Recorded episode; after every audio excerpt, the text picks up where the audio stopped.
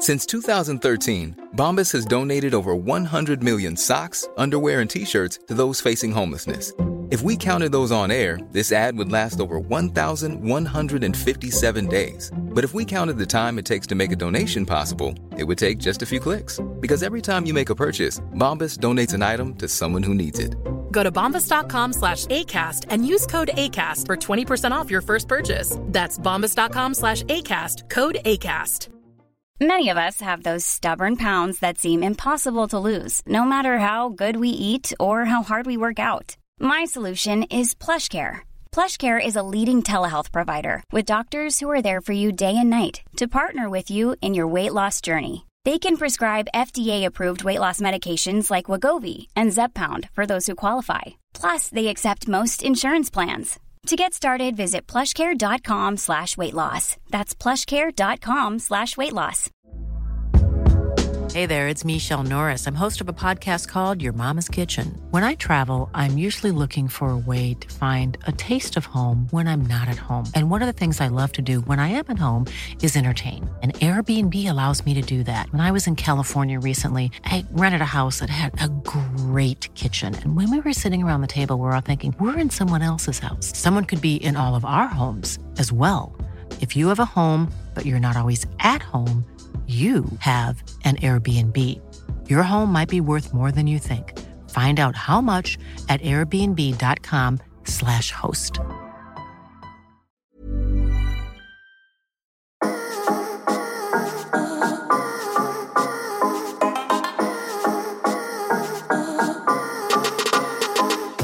Yes, yes, yes.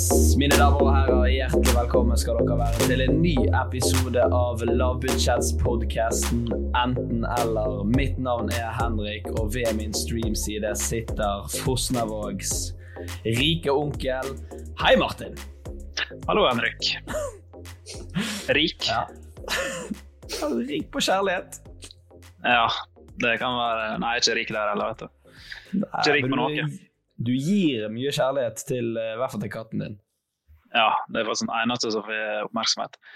Første natta vi hadde den katten, uh, som faktisk heter Luna, da sov katten din med meg, dama sov på gjesterom. Mm. Du, du er blitt en sånn? Ja. ja. Det høres ut som en type videoer vi surfer på ungdomsskole. Oi. Ja, der er jo her kommer det en stemme inn fra høyre, Martin. Ja. Dagens gjest Som er? Kevin Kildahl. Men Kevin, eh, Kildahl. Kevin, vi har jo vanligvis uh, sånne lange, gode introer for å liksom booste gjesten. Men du okay. bare tok innersvingen og bare hev deg inn. Hei, du ga meg jo formatet på, og du fortalte meg jo lenge hvordan alt skulle foregå. Og akkurat da så så fikk jeg en snap, og så drev jeg på svaret. Så jeg lot som jeg hørte etter, men jeg holdt egentlig mobilen framme på skjermen. Så jeg beklager det. Det tar jeg på min kappe. Nei, Det går fint. Det er deilig å bryte litt opp i dynamikken. Men har du lyst til å høre introen som vi egentlig skulle si til deg? Åh, ja. Gjerne. Det er deilig å få litt uh, påfyll. Ja. Da mine damer og ærer, er det på tide å ønske en ekte tømrer velkommen inn i studio. Ja, Han er nok mer kjent som en komiker enn tømrer, men da har vi i hvert fall det protokollført. Denne mannen er rett og slett genialt, og han debuterte som standup-komiker i 2012. Og har siden den gang reist land og strand rundt og får folk til å skratle. I 2017 var han nominert til Ståprisen, han har eget soloshow, og han har sin egen podkast ja, som har mye flere lyttere enn oss. Noen av dere kjenner han kanskje som Arnt Finesse fra Snapchat, hvor han har laget flere timer med hysterisk humor til, til sine over 40 000 følgere. Vi foretrekker å tiltale ham med sitt egentlige navn, og det er med stor, stor glede vi kan ønske hjertelig velkommen til deg, Kevin Kildahl! Ah, som allerede er Fy faen. Ja, det var jo smerte. Smerte. Uh, jeg er nominert til Ståprisen to ganger, faktisk. Så det er to ganger jeg ble robba for den uh, rett foran øynene på både meg og min kjære. Um, men ellers så var det, det kjempebra. Du har jo lagt arbeid ned i det. Det er jo 99% mer enn det jeg gjør på en podkast. Ja. ja, men hvor fant du all den infoen her? Nei, spurte din uh, mor. Hun hjalp meg. Det går ikke an. Hun er død, med mindre du har en videoboard.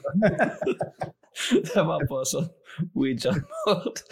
Nei da. Eh, jeg bare googlet, jeg. Så fant jeg det på uh, Feel Stage eller noe sånt som det. Feel Good Eye Stage. Ja, Feel. Good Eye Stage. Ja. jeg, er så, jeg er ikke så god på kildene mine. Nei da, det, det, det er helt innafor. Det er mye mer enn eh, det man kan forvente. Som du sier, det er en lavbudsjettspodkast, men dere har jo, dere har jo StreamYard, og dere har jo Det går jo et navn i et sånn rulletekst her nede. Det ser jo jævla proft ut, da. Så Ja. skinnet bedrar, kanskje. 200, 200 i måneden for eh, dette her, så det, Ja. det er ikke noe tull. Det er well spent. Oi, Well ja, det, er, det er ganske mye penger, egentlig. Hvis du, Det er det. Hvis du summerer alt det driten du har som månedlige utgifter For jeg gjorde det ganske nylig, og da fikk jeg jo hakeslepp på hvor mye fettskit jeg egentlig har. Og det, øh, det er jo bare 99 kroner i måneden. Ja ja, men når du legger sammen alle de, så har du et fotballag med eh, Redd Barna-prosjekter. Du vet jo ikke om de finnes på ekte engang. heller. Så, men det, du føler deg aldri så rævel som når du sender mail og sier at du, jeg må si opp det fadderbarnet. Har du gjort det noen gang? Vi har fått eh, fadderbarn, faktisk. Hva du si? Vi har nettopp fått fadderbarn, eller ikke jeg, da. Det var dama sitt uh, Da kan du grue deg til dere får et par dårlige måneder der dere ser at vi må faktisk sløyfe det her barnet fra vår økonomi. Fordi fordi at jeg lurer jo på hvem som tar den praten med ungen. Ja. Det er sikkert ingen. Den er litt tung, faktisk. Ja, det er litt tung. For det er sånn Hei, du har hatt jævla kule tolv måneder her nå, og Ja. alt, alt på stell og skolegang og alt det her, men det er nå over. Muchabe, arbeid. Kom her litt. Ja. Vi må prate. ja, vi må Det sitter noen i verdens rikeste, verdens rikeste land, og Ja. de kan faktisk ikke gi deg penger. Noen i verdens rikeste land fant ut Ja. de skulle ha Amazon Prime og Disney Pluss. Så, da må Og du så økte TV2 Sumo i tillegg. Så det, Ja, ja. ja. Sumo er jo faen, det er bare å glemme. Det er jo, en, det, er jo, det er ikke dyrt, det er jo faktisk en investering som du aldri vil få igjen for. det er et minusprosjekt eh, uten like. Men ja, det, takk for at dere ville ha meg uh, her. Eh, Hos Bare, bare kjekk. Takk for at du Jo, kom. takk for at du stilte. Da snakkes vi om ei uke. Neste episode det, Takk for oss. det var kjekt. Eh, nei, Kevin, vi har fått litt uh, lytterspørsmål til deg. Vi kan jo hoppe til de. Ja, kjør på. Uh, Valdegutten eh, han lurer på hva er det beste med å leve eh, av standup og humor? Og om du noen gang savner gamlejobben? Det beste med å leve av standup og humor er jo at eh, du, du blir jo veldig mye din egen sjef, som er jo noe de aller fleste på et eller annet eh, nivå drømmer om. Eh, du har jo de som, bare, som egentlig bare de, de bare går på jobb. De går på jobb, skrur av hodet sitt, og så starter de på nytt når de kommer hjem fra jobb. Og all ære til de er, faen meg bortimot sjalu. Men jeg har brukt ganske mye tid av livet mitt på å hate hva nå enn jeg jobber med. Så, så det beste med å jobbe med humor og standup er jo at du styrer dine egne dager. Um, og jobben din er å få folk til å flire. Det er jo det absolutt beste. Og om jeg savner jobben som tømrer, det gjør jeg absolutt ikke. Ikke litt engang. Men, jeg- men jeg er veldig glad for at jeg har de, måte, de kunnskapene som jeg fikk fra den tida som jeg jobba med håndverk. Fordi at, ja, for eksempel i dag. Jeg har vært og eh, nå er ikke dette en av de jobbene jeg er glad for å gjøre, men broderen han driver på å bygge ut en sånn trapp utenfor huset, og så har ikke han peiling hva han holder på med. Eh, så da må jeg gjøre det. Så jeg har vært hos han og jobba siden ni i morges, mens han har vært på arbeid. Så jeg har gjort dugnadsarbeid hjemme hos han, som jeg da selvfølgelig skal cashe inn i en tjeneste for i senere tid. Men, men det er litt det der å føle at hvis noe skjer i leiligheten din, noe går sund, eller hva nå enn Jeg driver en pub her, og det er her jeg sitter nå. Jeg sitter på kontoret på puben min, og det er klart når noe skal fikses her, så er det jo jeg som gjør det, og det er jo penger spart, det. Så, men savner jeg jobben, savner jeg å stå i et stillas i ti minusgrader mens jeg prøver å forstå hva en polsk arbeider over med sier. Nei, det jeg ikke litt om det. Det må jo være noe, altså Nord-Norge må jo være et av de verste stedene å jobbe for håndverkere. Ja, det er vel kun Det er vel kun slått av eh, de som bygger stadionene til Qatar-VM. De òg har de- litt kjipt. Ja, og de som bygde Sotsji, eh, det OL-greiene der. Ja. Fordi de, mange av de er døde. Ja. Det er noe å tenke på. Ja. Det tenke på når du står og, og snurrer den jævelen som lager lyd, og heier dine langrennsløpere i mål. Og bare yes! Nok et gull til Norge. Hva koster det? Jo, et liv, faktisk. Så, um, så det er vel kanskje de håndverkerne som har det litt kjipere enn vi som jobber i Nordland. Ja. Ja. Hva er det verste med å, å uh, drive med standup, holdt jeg på å si? Å ha det som uh, virke? Det verste Nå kan jeg kun prate på vegne av meg sjøl, men det verste er økonomi. Fordi at du får et eh, ikke, I det sekundet du blir din egen sjef, så blir du også din egen eh, lønnskjører. Du blir din egen kontorild, om du vil. Og, eh, og eh, det savner jeg litt. Og Toril på kontoret hun var jævla rå.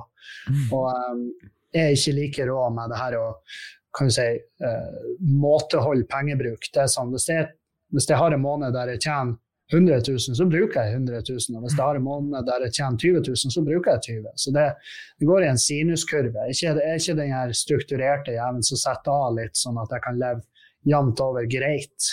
Det er bare noen måneder så er det sånn oh, Folkens, bli med, jeg spanderer. ikke sant? Og så kommer neste måned og ikke en jævla jobb. Og da da får jeg kjenne på det. Og det er klart, nå har jeg en kjæreste som prøver å holde meg litt i tøylene. og eh, Planen min er å gradvis gjøre henne til min kontorild, sånn at hun kan følge meg akkurat der. Eh, så det er litt kjipt. Måtehold med alkohol og rus generelt er jo tidvis vanskelig. Eh, det er jævlig artig å feste, og det er vel få miljø der du har mer eh, fritid og tilgang enn eh, artistlivet i Norge. Så der er det er også en plass der man må holde seg i tøylene. Og med en gang vi må måteholde oss og holde oss i tøylene, så er det ikke noe artig da. Det er jo dritkjipt. Man har jo lyst til å bare følge magefølelsen og gjøre hva faen man vil. Men det er klart, hadde jeg gjort det, så hadde jeg vært død. Sånn er det med oss fleste. Men er ikke det lite press med det å liksom skulle skrive ting som er morsomt? Eller er det følt noe på at folk ikke ler av Jo det? da, altså det er jo faen meg altså Hvis det er noen som skal beskrive en Når folk forteller at de har fått en ekkel følelse fordi at de eh, feis på et busstopp, eller eh, for at de dumma seg ut og tryna i ei eh, rulletrapp på kjøpesenteret, så bruker jeg å si det at du kan jo prøve å gå på scenen i 30 minutter foran 400 mennesker, hvor alle er sitter bare og ser på det, og ingen flirer. Det, det har jeg opplevd, og det kommer jeg til å oppleve flere ganger. Eh, men det er på en måte det er litt av den risikoen som driver oss. fordi vi vet at når du går på scenen, hvis du ikke leverer, så kommer du til å få de tomme blikkene og det dømmende Hva faen gjør du her? Du skulle jo bare vært tømrer. ikke sant? De der type blikkene. Eh, og det er klart, det er det kjenner alle komikere på. Det, hvis en komiker sier at han, aldri, han slash hun aldri har bomba, så lyver de. Og det er bombinga det er den som på en måte holder oss litt på tå. Så, Men ja, presset for å skrive nytt og skrive morsomt materiale, det ligger jo der. Men foreløpig så øh, Og foreløpig så har ikke hatt det sånn kjempestore problemer, for at jeg produserer jevnt over det en gjennomsnittlig komiker gjør. Jeg har allerede vært ute med to soloshow og jobba med et tredje. Og, og jeg vet det er komikere som turnerer i ni år med samme jævla showet. Og ja, ja, det må de for all del gjøre for min del. Det er jo ikke min avgjørelse, men jeg klarer ikke å forstå hvordan de greier å gjøre det. Fordi jeg kjenner bare etter å ha turnert ett år med et show, så begynner jeg jo å stokke om på tekstene og skrive de annerledes fordi at jeg begynner å bli lei. Så, og det føler jeg er en god vane, for at da holder du det, eh, da holder du det produktiv og effektiv. Sånn. Så Det Altså, må jo være veldig kjedelig å se det samme opp igjen og opp igjen. Ni år på rad. Jeg Jeg, jeg kan ikke forstå hvordan det er mulig. Men uh, for noen er det da. Og da, ja, ja. Hva enn. Så, da må det være sånn når du kommer til nye steder og så er det sånn Bodø åh, Det er noe spesielt med Bodø, jeg bare elsker det. Og så bare kommer du ned til Trondheim åh, elsker Trondheim, folkens. Beste byen Ja. i Norge. Og så bare nedover hele. Ja, men det, det er en standard. Du må fri til publikum på et eller Ja. annet nivå. Uh, nå, uh, nå, Vi bergensere er veldig glad i det. Hvis du sier noe fint om byen vår, så er vi, da er vi på lag med én gang. Bare, Han er likte Ja! Men, men det, det har jeg merka at Bergen er jo litt sånn som å opptre i Trondheim òg. Det at det er veldig lite bergensere til Ja. å være Det er store studentbyer, vet du. Ja, nettopp. Det er akkurat det. I Bodø så er det, det er jo selvfølgelig en del studenter her òg, men ikke i like jævla høy grad. Så um, Der er vel litt flere nei, studenter i Bodø som er glad i knulletorsdag. Ja. det er en ja. del av de. Vi, eh, Mm. vi huser jo politihøgskolestudentene her på puben vi driver. Det er deres, eh, det er deres eh, favorittpub. Så på torsdager så har de andre etasje. Med Er det dere sånn benker. luk... Ja. Er Ja, dere det- lukka rom der?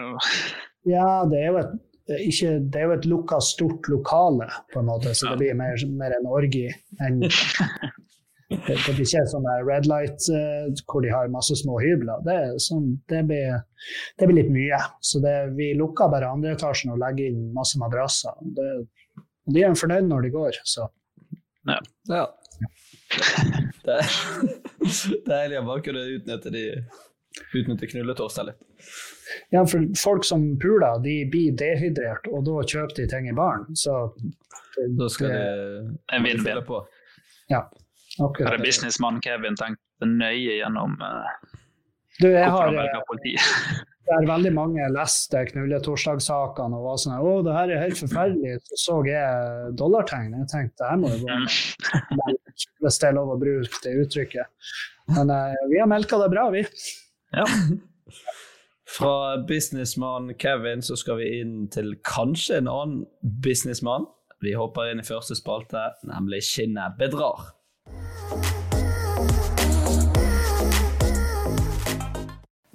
Og da, eh, Martin, er det du som har funnet dagens bilde i Skinnet bedrar. Og det kommer i din eh, innboks nå, Kevin. Og her eh, er det er det din morfar eller noe sånt, Kevin? det der er ikke, det er ikke min morfar. Nei? Det der er det, Nei, farfaren min eh, var han, ja, Jeg vet ikke hvordan min farfar ser ut, men det der Jeg vet at morfar han var nazist. Eh, og mye tynnere. Ja. For han, eh, han sprang seg tynn på tyst på folk som hadde radio i heimbygda. Men han her fyren, han var jo borgermester i eh, Meløy. Og Meløy er den eneste kommunen i Norge som har hatt det de kaller for en borgermester. Men det var han som bestemte. Og eh, han her han bygde faktisk huset sitt på døde barn. Ja, det er ja, De brukte døde barn som bindemiddel i mørket. Er derfor det huset sto ikke bare gjennom krigen, men også gjennom den tsunamien som ramma Meløy i 2009. Og fyren her, han, du kan finne det bildet på absolutt alle 100-kronerssedler i Meløy, for vi har egen valuta, egen valuta der. Egen valuta. Det er kro- kronekrone, så det er litt sånn De var ikke så jævla oppfinnsomme når det gjaldt det, men Egen det her- stat. ja. Det her er da han eh, borgermesteren. Han heter Erik Sjon. Ja. Erik. ja, Henrik, eh, støtter du Kevin sin eh, Dette var et langt forslag og detaljert. men jeg, synes, jeg fikk sånn borgermester-vibes. der så, den han så litt viktig ut som person. Jeg kan jo si det samme som du sa forrige gang, Henrik, at dette her er noe dere har hatt god nytte av. Dette er en mann vi har hatt god nytte av, eller hatt mye glede av. Ja, masse glede av. Ja. Selvfølgelig. Er det han som oppfant penicillin? Nei. okay. Uh, hatt mye glede. Det er jo vanskelig. Jeg er, ikke, er jækla fornøyd når jeg sa det mm.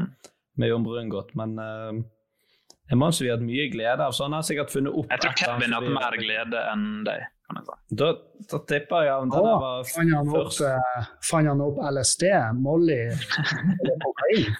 ja, det er ikke så uh, Jeg tipper dette var en av de første som fant ut hvordan vi brygget øl. Nei, for det gjorde de i vikingtiden. Det gjorde de ale. Men det er sikkert et eller annet alkoholgreier. Uh, eller er vi inne på narkotikaen? Eller skal vi inn i narkotikaen? Ja. Hvem vet? Eller skrev han en guide om hvordan du kunne unndra skatt? Og det har du hatt masse nytte av, Kevin? Jeg har det. Ja. Jeg har hatt nytte av alle de her tingene. Nei, fortell meg, hva er det han her fyren har gjort? Jeg, jeg tror det det første man som hadde produsert en eller annen alkoholtype. Ja, det er jo Henrik som er egentlig spot on, da. Det er Lars Olsson Smith. Og det er han som uh, grunnla, eller fant opp Absolutt vodka. Oi! Ja.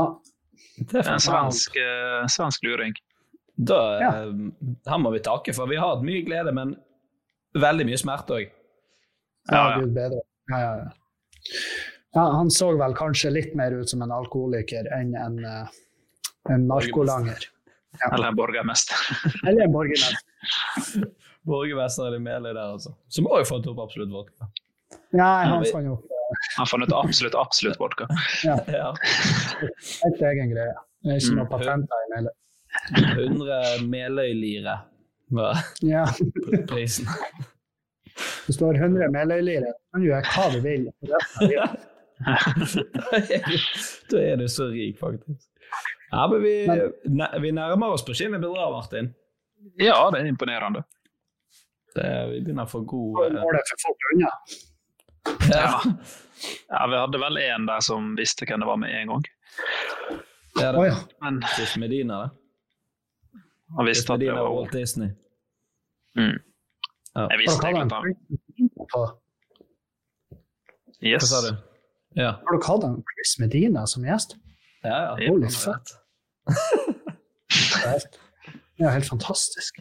Der mm. fikk mm. Kevin Kildahl en episode han skal høre. Mind blown. Ja, Så får du høre, Da er det én time med veldig dårlig engelsk, så det ja. Ja, stemmer det. Han er jo Han bor vel i Norge, han er altså en norgesvenn. Eller han ja. ble igjen i Norge, for det var eneste landet han solgte billetter. ja, mm. det var riktig. Rutinert.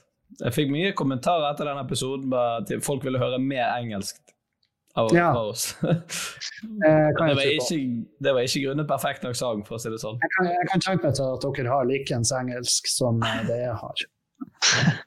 Norsk-engelsk. Ja.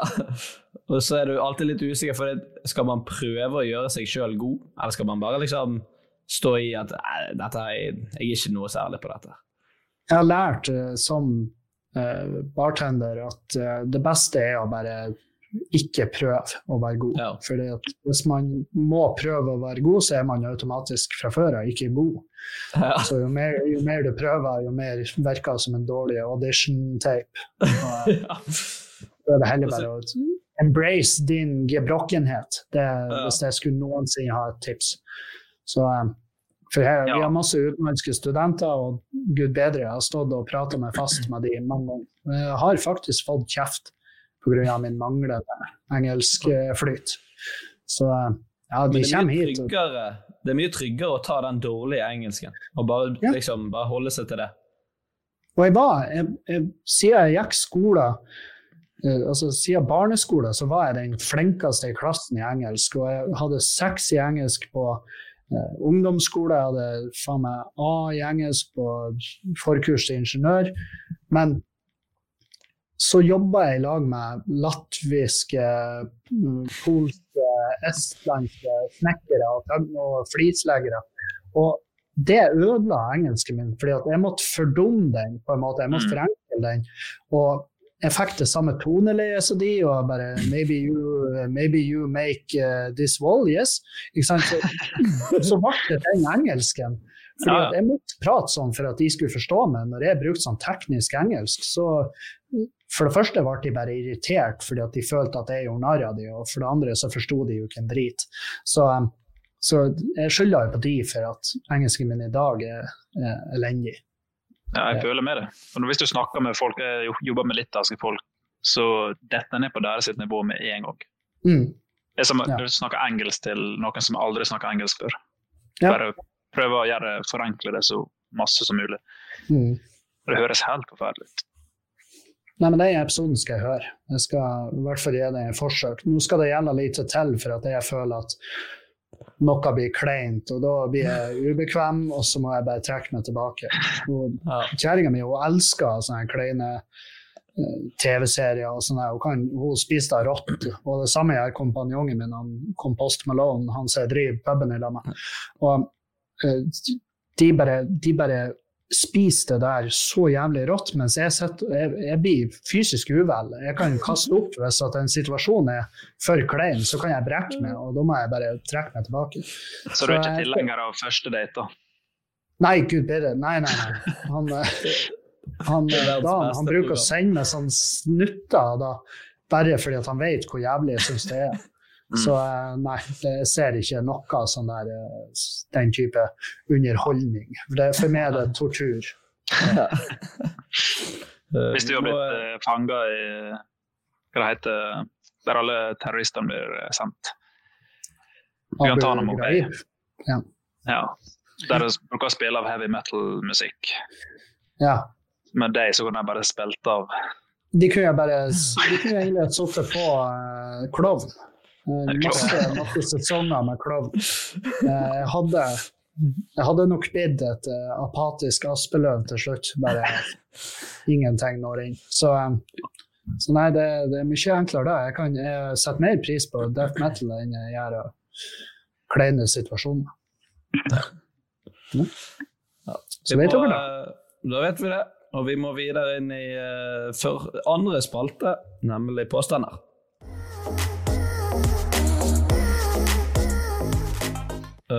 Og Martin, du kan ta din påstand til oss i dag.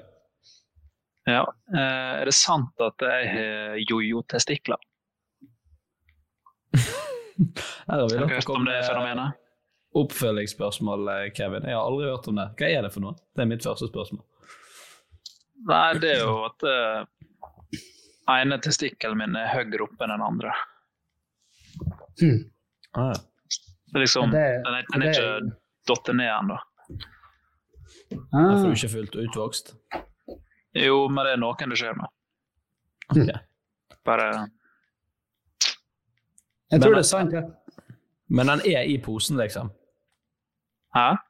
Han er i posen, han er i pungen. Han er liksom ikke oppi Hvor ellers skulle han være? Du har jo sånn der eh, rom sånn over pungen, der du, du kan liksom du kan flytte testiklene opp der. Prøv det nå. Nei. Nei! Så gjorde jeg det. Ja. Nå sitter du og tar det det var godt. Nei, men eh, vil det, Hvis du har jojo-testikkel, vil det si at du har den ene ballsteinen oppi det rommet der, eller er det at han bare heng- er litt, litt sånn usymmetrisk? Altså Hvis du har penis her, så, sånn liksom. Ja. Ja. ja, det har du. Det absolutt det har du. Eh, jeg, jeg Har du sett det feil? Jeg sendte ut de bildene til noen andre, Kevin. Hvis ikke at du fikk det bildet. Jeg tok et bilde av pungen min og skal sende det til lommelegen. Ja, det Han klarte å forklare akkurat hvordan det var. Mm. Så, Men da jeg ser, jeg ser, eh, ser mine timer med porno i løpet av et år, og jeg har lagt, jeg har, jeg har jo lagt merke til fenomenet. Så, eh, så, og det er ikke så uvanlig. Det er ikke, ja, Jeg tror det er løgn. Jeg, altså. jeg tror dette er noe Martin har funnet på. Ja, jeg har funnet det på. Men eh, har, du, har, du, har du sjekket om de er helt symmetriske? Uh, nei, faktisk ikke. For det har jeg aldri gjort med min altså, For de sier jo at det er normalt at den ene ligger litt Men det, jeg har aldri liksom ofret en tanke til Nei, men Du merker det fort hvis du sitter, da, for det skal være sånn press på den ene ballen. Så gjør det ubehagelig. Ah, ja. Så Ja. Da har ikke jeg, forst det er ikke, jeg har ikke store nok baller til det, tydeligvis. nei. Du har mikropenis og mikrotestikler. Ja. Nei, jeg har vanlige testikler. Eller litt men, men jeg har bare mikropenis. Ja. Uansett, min eh, påstand eh, er Er det sant at jeg festet så bra på Rodos at jeg ble tilbudt sommerjobb der? Partysvensken. No, partysvenske. Ja, du hadde jo langt, ekkelt hår før. Det hadde ei ufyselig fyselig type med sleiken Mm. der og Ja, det var sånn partysvenske. Ja.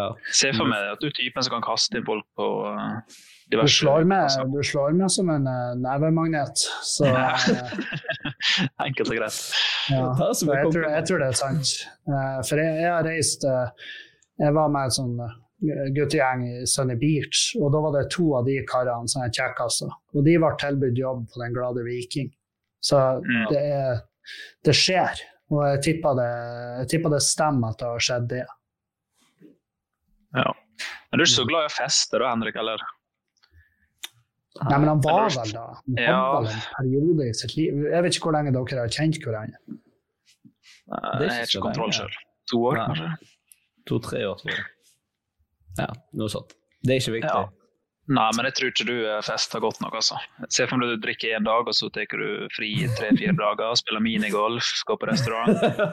Hjem og legger deg klokka ti, for du skal uthvilt til å sole deg dagen etter. Jeg tror, jeg tror du er maks to fyller når du går på guttetur til, uh, til Rodas. Det var derfor jeg alltid måtte reise to ukers tur, Ja. sånn at jeg liksom kunne, kunne gjøre de tingene i tillegg. Mm. Så du Men, kan feste eh, i fire dager og være fullsjuk resten? Ja. Okay. Ja, spille minigolf forresten. Nei, men Kevin har faktisk riktig, altså. Det er sant. Det var, vi festet godt med eh, x antall eh, tidligere Paradise Hotel-vinnere og deltakere, og ble kjent med de, og så, så ble det tilbudt jobb. Og det verste er at Jeg hadde jævlig lyst til å si ja, men da hadde jeg allerede sagt ja til en sommerjobb på Narvesen på Flesland. Så da var det hjemme på Flesland, ja. ja, da var det hjemme og selge pornoblad der. Moving up. Ja.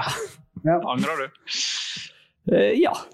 Men jeg hadde jo ikke tjent meg en krone der borte, da, for det er jo sånn her ja, du, Nei, nei, du Eh, tjener, Kost og losje. ja, du tjener bitte, bitte litt til mat, og så bor du gratis, og så drikker du gratis, og så bruker du resten av pengene på nattmat. Du har akkurat nok penger til å vedlikeholde penicillinbruken din. ja. Fordi at, ja, det er jo det det er. Det er jo en kjønnssykdomsskole. Så, så det Nei. Men ja, hyggelig at du fikk tilbudet, i hvert fall. Det må jo være deilig å ha følt seg så Du må ha følt deg veldig sad. Du var sånn Herregud, dere forstår Jeg meg. meg? Meg? Meg av alle her? Det eneste. Ja, Brukte det er som det headhunter. resten av veka. Ja. Nei, men så, jeg skulle egentlig jobbe her, men takket nei. Det er ikke helt for meg. Jeg er litt sånn høyere opp, så nå skal jeg hjem og jobbe på Narvesen. Ja, da må vi få høre din, eh, Kevin. Min påstand er at uh, på videregående, når jeg gikk byggfag, så var jeg plaga med at jeg lakterte ifra puppene mine. Det kom melk ut av mannepuppene. Og det var veldig veldig plagsomt, f.eks. i gymtimer. Altså.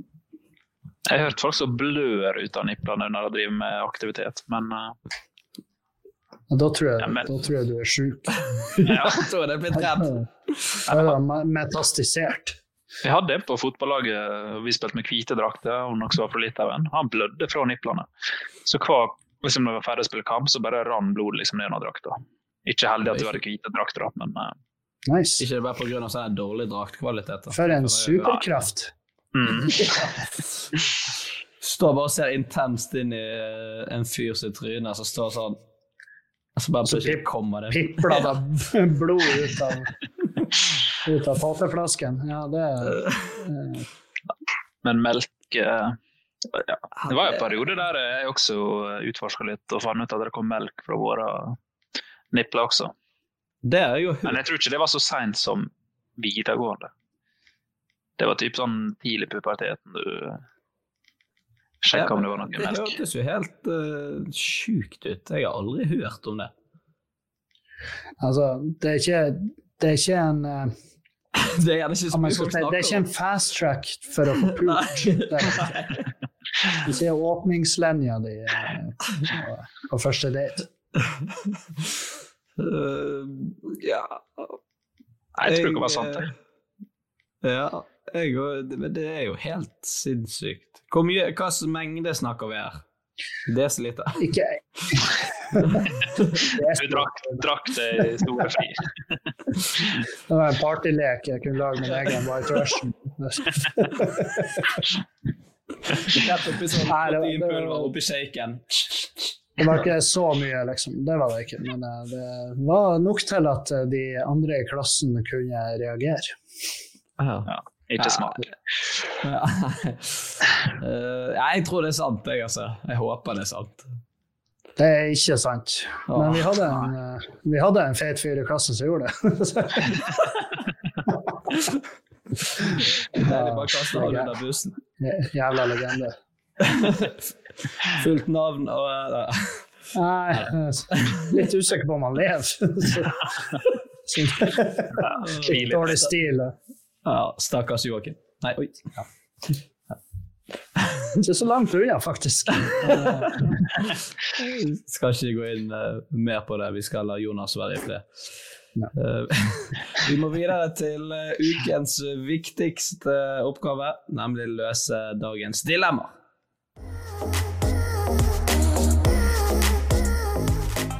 Og Martin, du har med, med deg et dilemma til oss her i dag som vi skal løse. Ja. ehm, vil du enten sitte i fengsel i ti år for noe du ikke har gjort, eller slippe unna med drap og leve med frykten for å bli tatt?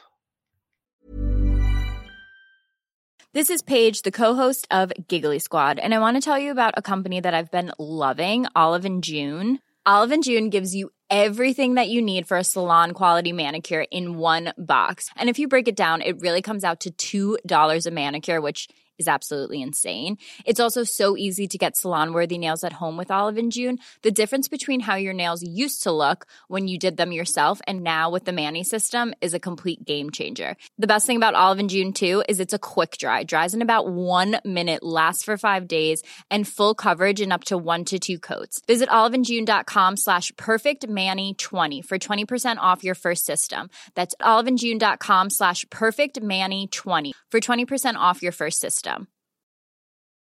Hiring for your small business? If you're not looking for professionals on LinkedIn, you're looking in the wrong place. That's like looking for your car keys in a fish tank.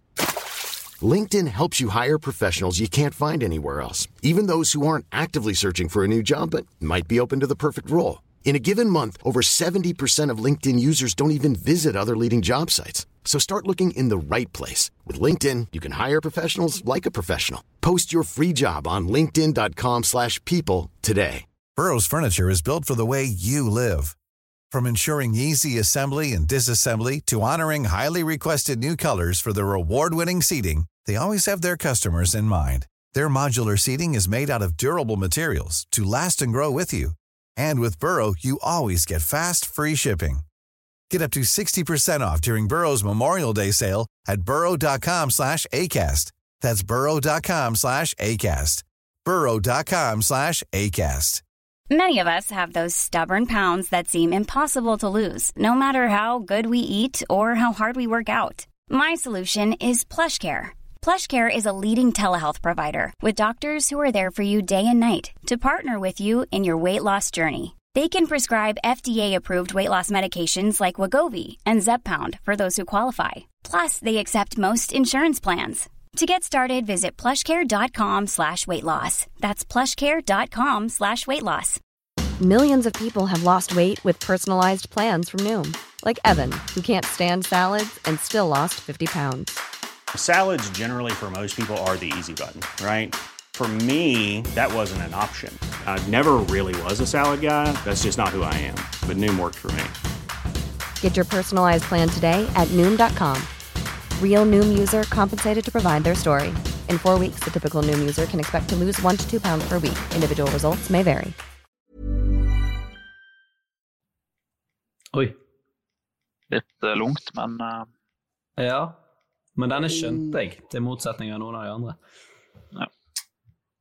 Uh, da må vi først legge til grunn at vi har, vi har vært kapable til å gjøre et drap. Da. Vi har drept noen. Ja, for det er ikke du nå? Eh, jo, jeg har drept noen. Det var det jeg sa. Ja. Så hyggelig at du valgte å komme ut i det her forumet. Ja. Vi har så er som- lyttere uansett at det kommer ikke ut til politiet. Nei, Nå er det ikke igjen. Det er for mye ting som skjer rundt omkring i Norge nå uansett. ja.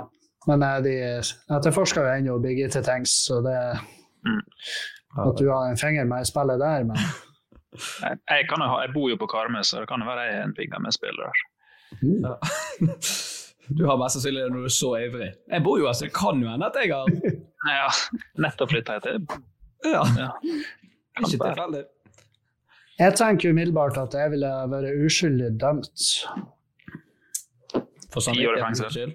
Ja. Eller bare slippe å, å tenke på å bli tatt. Fordi at uh, jeg tenker at uh, hvis jeg hadde vært uskyldig dømt og sittet i fengsel i ti år, så hadde jeg kunnet For det første, jeg hadde jo brukt tida mi i fengselet veldig effektivt. Fordi at du får, du får muligheten til å ta deg masse sertifikat. Jeg ville jo ha tatt uh, maskinførerbevis og kanskje eh, liten lastebil, for det hadde vært kjekt. Og så i tillegg, Hvis du har vært uskyldig dømt i ti år, så er jo det, det fuckings, da har du bokavtale, du har film klart. Altså, og når du kommer ut, så har du alt bare Du har lina det opp. Så du bare, da skal du endelig komme deg på jobb. Sant? Mm.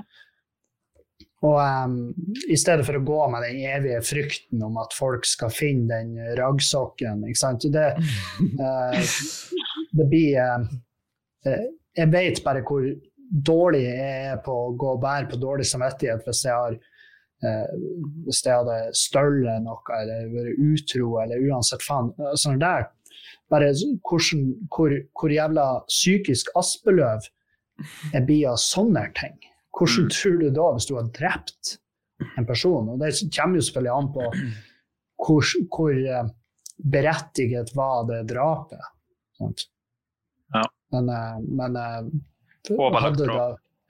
Ja, ikke sant. Hadde det vært overlagt drap, og ikke, og ikke selvforsvar som du bare glemte å si fra om, eller skal det godt jeg som glemmer å si fra om.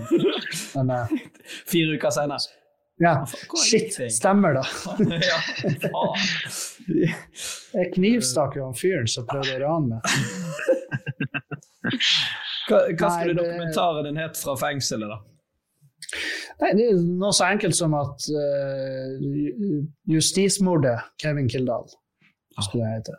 Det klinger bra, det. Og, ja, ja. Og jeg skulle, også, jeg skulle eh, holdt hun eh, hva heter hun, Lindmo i armene mine, eller hun skulle ha holdt med og bare Herregud, Kevin, det her er jo helt forferdelig.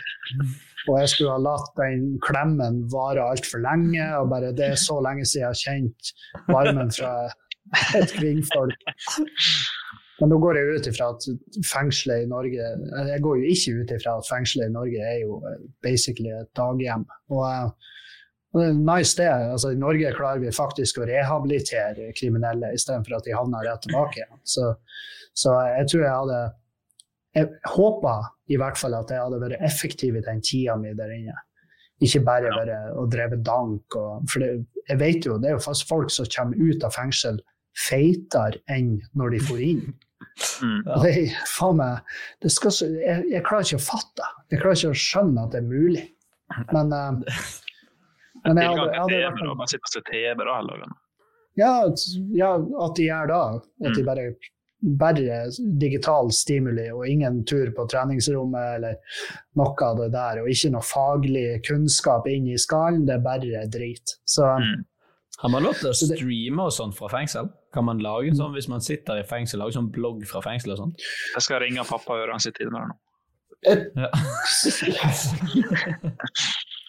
eh, et, jeg mener på at det er en podkast fra et fengsel. Ja, for det er jo Det burde jo vært et eller annet nett, nettseriekonsept. Fengselspodden. Det er jo det. Hvis det er Plusspodden. Pensjonistforbundet. Nei, jeg er litt usikker. Det er nesten det samme. ja, den podden, den podden har jeg også lyst til å høre på. Bare Hele podkast-episoden er gamle mennesker som prøver å finne ut Eller barnebarnet deres som prøver å hjelpe til. det hører ofte om at barnebarn skal hjelpe bestemor til, eller, til å finne ut av en iPhone. Ja, det er slit. Det er en slitsomt. Ja, det er slitsomt. Egen spalte. Hvordan uh, teknologisk duppedings skal vi angripe i dag? Men uh, er det noen av dere som noensinne ville vil ha vært drapet der? Nei, jeg tenker om ti år for meg og Henrik, da er vi 36. Ja. ja. Det er jo innom av våre beste år foran oss, på en måte. Eller? Ja, ja, ja. ja. Men det er jo noe med det der hvis du sitter inne for et drap uskyldig dømt, og du, når du kommer ut da, så er Sånn som OJ Stimson. Ja, men det er liksom Akkurat som OJ. Ja, akkurat sånn. Men det er jo ikke gitt at uh, majoriteten da tenker at du er uskyldig, selv om du gjerne er blitt frikjent. Du vil jo alltid nei, nei, ha drapsmann. I deres øyne så vil du jo være bare en ultimate badass. Ikke sant? Mm. Du er han fyren ja. Du blir jo ikke bedt med på nachspiel, åpenbart, men Nei. Det er jo sant, men i en alder av 36 så burde du ikke være på nachspiel, for du, du, har det ikke i deg lenger uansett. Men, så at jojo-pungen endelig falt ned, da. Men vi har jo han eh, fyren han kom nettopp ut av fengsel. Han, han drepte jo en fyr med hva det var, 17 økseslag i skallen. Og um, kjørte liket hans over svenskegrensa og gravla han i snøen. Ja. ja. For det var te tele i bakken, så han, han tenkte sikkert han skulle grave han ned, men, ja, altså. men eh, det gikk jo til helvete. Og så havna han i fengsel, og i fengselet så har han skrevet en doktorgrad om det å ha utført et drap, og hvordan, eh, hvordan effekt den fengselstida har på det som menneske. Mm og det å sone i Norge. Og jeg har forstått sånn at han gir det norske fengselssystemet det glatte lag. Det er liksom ikke bra nok. Um, og da er det jo jævla lett å tenke ja, da skulle du faen meg sona i et annet land, da. Sett hvor jævla trivelig det har vært. Men, um, men uh, han er jo en spennende fyr, da, for han har jo en historie å fortelle. Og jeg tenkte jo sånn her han, Jeg har lyst til å ha han som gjest i min podkast, fordi at faen heller, hvor mange som har en drapsmann i en podkast. Jeg vil jo selvfølgelig ha streama den, sånn som vi gjør med det her nå. Mm. Jeg, jeg, tror ikke jeg nødvendigvis vil ha den inn i stua mi, men um, Så jeg leste meg jo litt opp på den saken, og uh, jeg tenkte bare gud bedre, jeg hadde òg drept han fyren. Uh, hadde jeg vært han.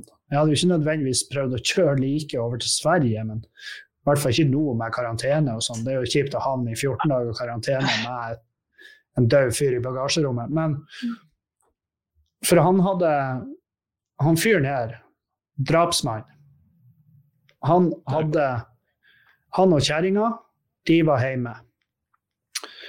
Eh, så fikk kjerringa besøk av eksen sin, eh, og de skulle prate ut om ting og tang. Så mannen til kjerringa går opp her er stussa på hele historien, men han går opp og, og, bare er oppe i huset. Mens kjerringa og eksen er nede i stua. Og plutselig så hører han noe rabalder nede, så han går ned. Og når han kommer ned, så ligger kjerringa naken, fastbundet og bevisstløs i sofaen. Mens eksen hennes driver på og kler av seg. Han har jo dopa henne ned og, Og eh, skal gjøre hva nå enn. Han fyren får panikk, henter øksa, som, Jeg vet faen hvor den var, på sida av peisen, eller om de er den type hus så har jeg bare ei øks liggende og slenge, jeg vet ikke. Men han hadde òg drept han fyren med eh, så mange slag at i eh, rettssaken så var det sånn Det var det som felte han hardest. Det var at det her var ikke bare et drap, det var jo faen meg groteskt. Og så hadde han fått panikk og hevet fyren i bagasjerommet og kjørt han til Sverige og dumpa. Og jeg tenkte bare ja, masse av det her det kan jeg veldig lett stille meg bak. Mm. Mens hvis han bare hadde høgdene han én gang i hodet, som fyr ja, han er død, ringt politiet og bare hei, jeg har drept en motherfucker i sjølforsvar, eller jeg har utført nødverge på vegne av dama mi, som ligger fastbundet og dopa ned i sofaen. Kan dere komme og rydde opp etter oss? Ikke sant? Um, men, men, den, den doktorgradavhandlinga, har jeg, jeg, har fått tak i den, og jeg skal lese den fra perm til perm. fordi det er jo et unikt innblikk. Og det var jo det de sa, for det var jo sånn etisk eh, diskusjon. Etikkrådet måtte kobles inn. Kan vi godkjenne det her som en doktorgradavhandling fordi at fyren har sittet inne for drap? Og de var sånn, ja, altså, det her er det mest unike vi noensinne har fått på bordet. fordi at han fyren har jo et innblikk i systemet som ingen andre har. Og han har skrevet en doktorgrad om det. Mm. Så um, men å gå rundt og drepe noen og bare ha det på samvittigheten og ikke si noe, det, det, kan, det, er jo ingen som kan leve med det. Ingen kan leve med det, og du kan jo ikke tjene på det. Med mindre du har drept din bedre halvdel og har fått forsikringspengene. Men eh, de, drap, de drapene blir jo, de blir jo oppklart. Jeg tror det blir masse psykiske problemer. Ja. Ja. Kanskje hvis vi hadde fjernet uh, samvittigheten og bare hatt den frykten for å bli tatt, Kanskje, men samtidig så frister den der slutt altså, Når du kommer ut av fengsel her og skal det, jeg, må, jeg må ha noe Jeg må ha noe oppracing. Hva heter det? Oppreisning. Ja. Vi skal ha oppreisning. Det heter jo ikke 'upraising' på engelsk. det heter ikke noe erstatning, hva det skulle frem til, egentlig. Ja. Oppreisning skal du også ha, men Oppreising, som jeg ser det. Mm. Men jeg tror ikke den oppreisninga for justismord i Norge er like bra som den er i USA, f.eks. Der, hvis du er uskyldig dømt der, så er du jo faen meg, da er du jo milliardær. Mm. Mens i Norge blir det sånn Ja, faen, det var kjipt. Uh, her, her har du en sånn gavekurv. gavekurs på McDonald's for 200. Ja, ja. Og 100 Meløy-lire. Ja, ja da, da, klarer du det fint. Kun i Meløy. Ja. Uh, ja. Men jeg tror vi ender vel alle her på å sitte i fengsel i ti år, eller? Ja. ja og så gjør vi oss rik på det i ettertid. Ja. ja. Det er jo altså, Du går jo glipp av mye viktig, da. Familietid og alt sånt. Men i hvert fall så Og så har du kanskje stempelet på deg som drapsmann, men da vet du i hvert fall sjøl at du ikke har gjort det. det jeg, har jo, jeg har jo, for min del har jo ikke familie, og jeg er sterilisert, så jeg blir jo aldri å få barn. Uh, så jeg mista jo ikke de der uh, første stegene og hans, mm. hans første mobbeoffer. Alle de her tingene blir å gå glipp av. Men, og uh, hvis du sitter inne i fengsel, så får du jo møte dama di. Uh, Sjøl om jeg er litt i tvil om Jeg tror ikke Juliane hadde venta så jævla lenge. Og jeg vet hun er jævlig fin, så jeg vet at i det sekundet jeg hadde meldt meg til soning, så hadde det stått folk på den trappa der og bare trenger, trenger du en handyman i din eh, manns fravær? Så, tror, du, tror dere kjærestene våre hadde vært overbevist om at vi ikke gjorde det? Tror du de hadde trodd på oss? Ja. Um, Stoler såpass på oss. Jeg er ikke noe jeg er ikke noe flink å lyge til henne, så hun hadde, sikkert, hun hadde jo spurt meg bare for å være sikker. Bare sånn, ja. 'Herregud, jeg har ikke låst deg inne for det her. Du har jo ikke gjort det. Har du, har du det?' Og så er jeg sånn Nei. Så, men så hvis, jeg, hvis, jeg på, hvis, jeg, ikke hadde gjort det, liksom, så hadde hun skjønt det umiddelbart. At faen, han har jo faktisk ikke gjort det. Så um, så hun hadde neppe hvila før jeg var ute. Ja. Ja. Jeg hadde sittet ti år, ja. uten tvil. Ja. Vi hadde, vi hadde sittet ti år. Eh, dagens andre dilemma det er, det er ikke like dypt, men det fortsatt påvirker livssituasjonen vår. Og det er rett og slett ha vannmanet som kjæledyr, eller ha et pinnedyr som kjæledyr. Vannmanet. Med en gang? Jeg har hatt pinnedyr. Det er de mod, ja, og de motherfuckerne der, de formerer seg. Ja, det har jeg jo hørt. At de bare Jævlig. Ja, ja, de det er... Selv om det er bare ett? ja, ja. Da knekker de to. Ja. Altså, ett pinndyr varer ikke dritlenge. Nei, men da blir får du kasta inn et nytt. Kvago. Ja, med en gang du hiver inn et nytt Er ikke de tvekjønna òg? Hadde pinnedyret mitt, eller pinnedyrene mine i ca. ei uke før mamma klikka, fordi at de formerer seg som faen, og det var pinndyr overalt. Uh, pinnedyr Kan ha stikke av, altså. Se for meg å bare De- s- der i roe og ikke gjøre en dritt. Uh, De er helt, eh, de er helt, helt for jævlige. Og de, de er jo ikke fine. Nei, det er jo verdens kjedeligste dyr. Og hvis, jeg, jeg skal ikke uttale meg om hvordan dere lever livet deres, men ta altså, hvis du tar ett gram sopp eller uh, LSD, og så, så kan du se på videoer av glassmagneter i fucking i 24 timer i strekk. Jeg lover det. Det er noe av det mest nydelige du ser i ditt liv. Så det, det ville, jeg ville hatt en eh, tvert. Ja. Eh, Nå vet ikke jeg hvor mye er arbeid litt det er. behag jeg skjønner at det er behagelig å se på liksom, når de beveger seg, men eh, Jo, det er det, så vet ikke jeg. Det er jo det flotteste som finnes. Og så kan du jo, så etter hvert så begynner du å tenke det her er jo ikke det, er jo, ikke- det ligner jo ikke noe annet vi har. Og så finner du ut at det her er jo et romvesen. Det er jo ikke meningen at de skal være her. Så, um, så det er litt skummelt sånn psykisk sett. Du kan grave veldig dypt i en, uh, i en hvordan som helst manet hvis du har altfor mye tid på det. Så kanskje pinnedyr er et bedre sånn rent psykisk sett. Ja. Jeg vet ikke hva, hva lever maneter? Hva, hva Ja, på. Hva Alger. Er det sånn alger og plankton? Sånn. Det må jo være det. De kan, altså En glassmanet kan jo ikke jakte eller noe sånt. Det er jo, en glassmanet er jo ingenting. Det er jo bare en klatt. Mm. Plankton. Ja. Det er bra. Plankton. Men det er jo ganske bra du velger her, så er det jo piss kjedelig, da. Ja, og så blir jo du han fyren, da. Det sier jeg mye i den podkasten her, men du blir han fyren. Sant? Folk kommer hjem til deg og sånt. Enten de bare skal kjøpe noe som du selger på Finn, og så bare sånn, hva er det da? Nei, bare kjæledyret mitt. Og så bare, hvor er det da? Nei, det er, det er den maneten som ligger der. Så, Det er det.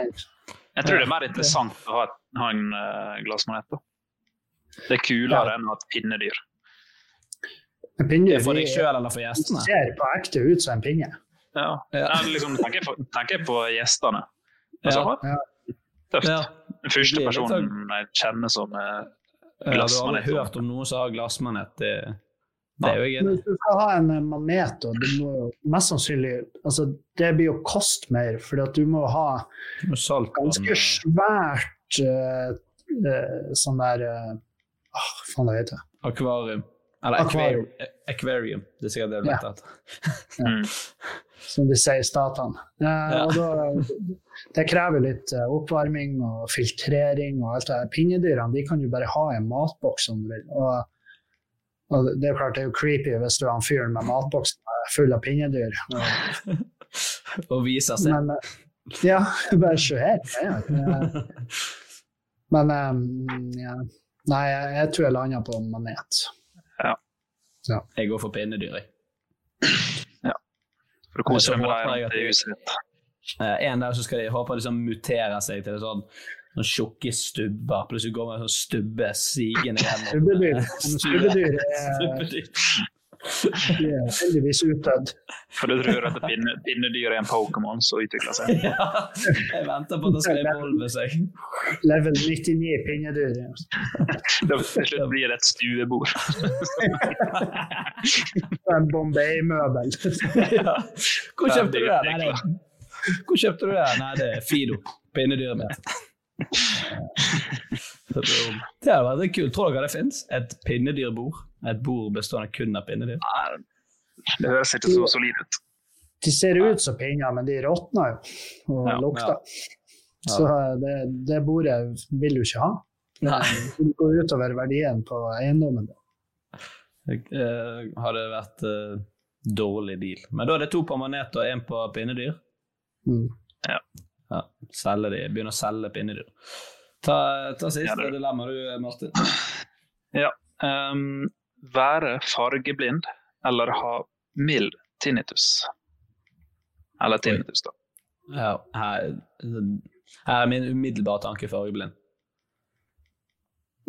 Fun fact, jeg er begge deler. Nei, ja. gjør du det? Er det sant? Jeg har, jeg har dobla, jeg har helgardert det dilemmaet allerede. Så jeg vil jo, Hvis jeg får lov å svare på det, så vil jo jeg si ingen av delene. Ja. Det, det, det helt nydelig. Men jeg vil Jo, for jeg har tinnitus og jeg er fargeblind.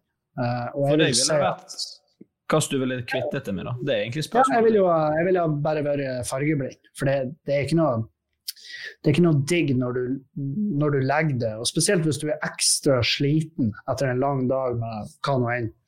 Så, um, så, er det ikke så digg å legge seg og høre det radiostøyet. Det er ganske, ganske slitsomt til tider. Så, det er um, radiostøy du hører? Er ikke det sånn forskjellig hva folk hører? Ja, noen hører mer, uh, mer sånn piping. Mm, ja. uh, jeg har hatt det òg, men det, det, har kommet, bare, kommet og gått. Mens den, det er mer den radiostøyen. Og det, det, er ikke noe, det er ikke noe digg. Og det å være fargeblind, det er jo sånn her Ja, du kan ikke bli eh, jagerpilot eller skarpskyter. Eh, mm. Beklager. Og det var aldri min plan. Så eneste, eneste kjipe med å være fargeblind, det er jo selvfølgelig at du får det spørsmålet hele tida. Sånn 'Nei, du er fargeblind. Hvilken farge er den her?' Ikke sant? Hver jævla gang. og, um, ja. Uh, nei, så absolutt. Jeg hadde hands down gått for å være fargeblind. Ja. Fordelen med å være fargeblind er at du hele tiden kan bruke det sånn Jeg hadde ikke vært fargeblind, så hadde jeg vært uh, jagerflypilot. Det var jo det som var planen ja, min hele veien. Det kan du si. Så, så jeg ble tømrer, da. ja, med tømrer og komiker istedenfor, da. Ja, det var enten jagerpilot eller tømrer. Og da var jeg fargeblind. Nå ble det sånn. Men blir det trigget av noe? 10 000, altså? Den, altså, den er jo um, Alt etter uh, form og humør, så jeg, jeg føler at det, det, er kvelder og netter, for det er jo stort sett da jeg legger merke til det. Ja. Og det finnes jo grader av alvorlighet. Du har jo folk som har så tinnitus at de tar livet av seg, for de klarer ikke ja klarer ikke å chille. Men, eh, men jeg merker f.eks. hvis jeg har vært ute på byen, uh, uteplasser med høyt volum, eller på konsert og, eller drukket med svigermor, så er det veldig vanskelig å, å, på en måte få roen etterpå. Så, så det, de kveldene er det ille. Men, men det kommer og går. Litt sånn hvor høyt det støyet er. Ja. Og, så det, og, så er det, litt sånn der Du må ikke høre etter om du hører det, for da, da legger du merke Det er sånn som den svarte prikken du har i synet ditt. Den ja, du aldri får øye på. Så det er sånn Ja, du ser han jo ikke med mindre du tenker på han, så nå sitter jo alle vi tre og ser etter det. jeg begynte å se etter med en gang. Ja, ja. Så, så, det er litt der. Eh, men jeg, jeg vet jo jeg er heldig, for det, er ikke så, det er ikke så heftig, den tinnitus. Men det, det, har fått meg til å ta mer vare på hørselen. for det det kommer jo fra min tid som ungdom drit, sånn enormt stereoanlegg i bilen og tømrer, ikke sant? hvor jeg var sånn Jeg gidder ikke å gå i arbeidsbilen etter hørselvern. Så jeg bare peiser på. Det går jo fort. ikke sant? Og Det er ja. sånn der jævla tankegang som gjør at man ender opp der. Og da mm. får man faen meg bare betale prisen. Ja. Det står jo at du kan få nedsatt hukommelse av det. Har du uh, merka noe av det? Jeg har jo bare generelt ikke noe særlig bra hukommelse. Så jeg, jeg, jeg, vil gjerne, vil gjerne, veldig gjerne henge deg på den knaggen. Mm. Uh, men det er jo sånn der uh, Jeg tror da bunner seg i hvis at, uh, hvis at du, du, gjør noe. Hvis du sitter og runker, eller om du um, altså du er opptatt med noe, og du får en beskjed. Kan du huske det her? Sant? Mm. Og da er det sånn Ja ja, null stress, og så har du jo glemt det før du har lukka kjeften igjen. Ja. Uh, litt, litt, sånn kan det for de som har ekstrem tinnitus, så ser jeg for meg at det å på en måte skal fokusere på uh, info du tar til deg og skal liksom huske, det er ikke like lett uh, som det er hos vanlige, friske folk. No. Så og nå sånn fargeblindhet Ja, jeg suger i Guitar Hero og uh, Tetris. Det eksisterer ja, ja. fortsatt. Ja, det, for oss som ikke har råd til PlayStation 4, så ja. Jeg, eh, jeg stoler på en fagmann her, jeg, tar fargeblind òg. Ja, det høres så slitsomt ut å Jeg tror den, selv om det er en type mild tinnitus, så tror jeg det, det ødelegger livsgnisten, altså. Ja, det, det kan veldig fort gjøre det. Så det, det, dere, dere velger noe, nok rett der. Ja, ja. Det er godt å Eh, høre. Før, før vi går inn i siste spalte, så må vi kjøre en liten eh, oppsummering eh, for deg, Kevin. Og du eh, vil jo sitte inne i fengsel de neste ti årene. Og i fengselet så kommer du til å ha en vannmanet som kjæledyr.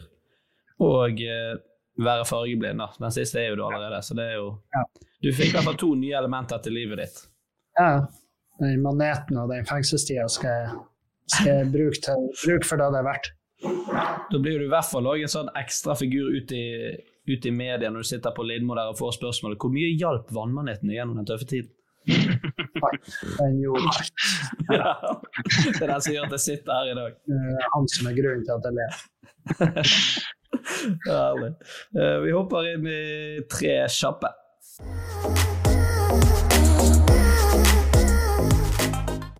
Martin, du kan få begynne. Ja, eh, Nordinger eller søringer? Nordinger. Tømrere eller rørleggere? Rørleggere. Nordlandspils eller isbjørnpils? Nordlandspils. Kjapt og kontant der, altså. Altså, Nordlandspils er, er ikke noe glad i Nordlandspils. Det er sånn typisk eh, Folk tenker gjerne da ja, han er fra Bodø, han er sikkert glad i Nordlandspils. Det er ikke jeg. Men gud bedre, isbjørn er faen meg noe av det jævligste jeg har smakt.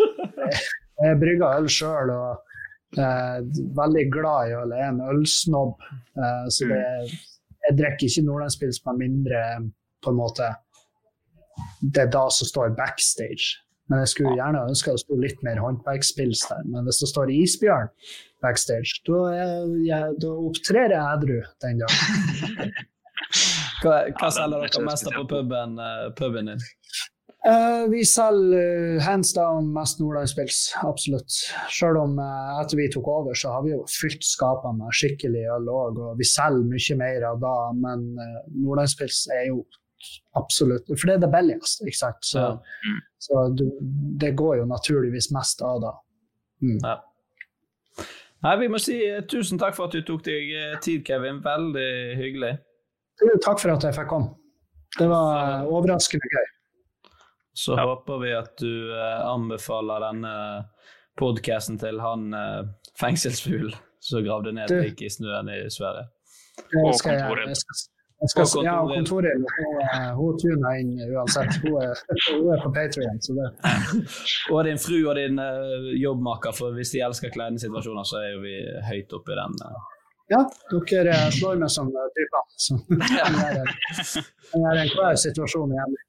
Ja. Uh, Martin, helt helt på slutten, tre ting som du aldri må finne på å si til uh, svigermor. Eh, jeg var lenger inn i det enn faderen. Og det var det. Det er det god. Vi høres igjen om en uke. Hei! Hei!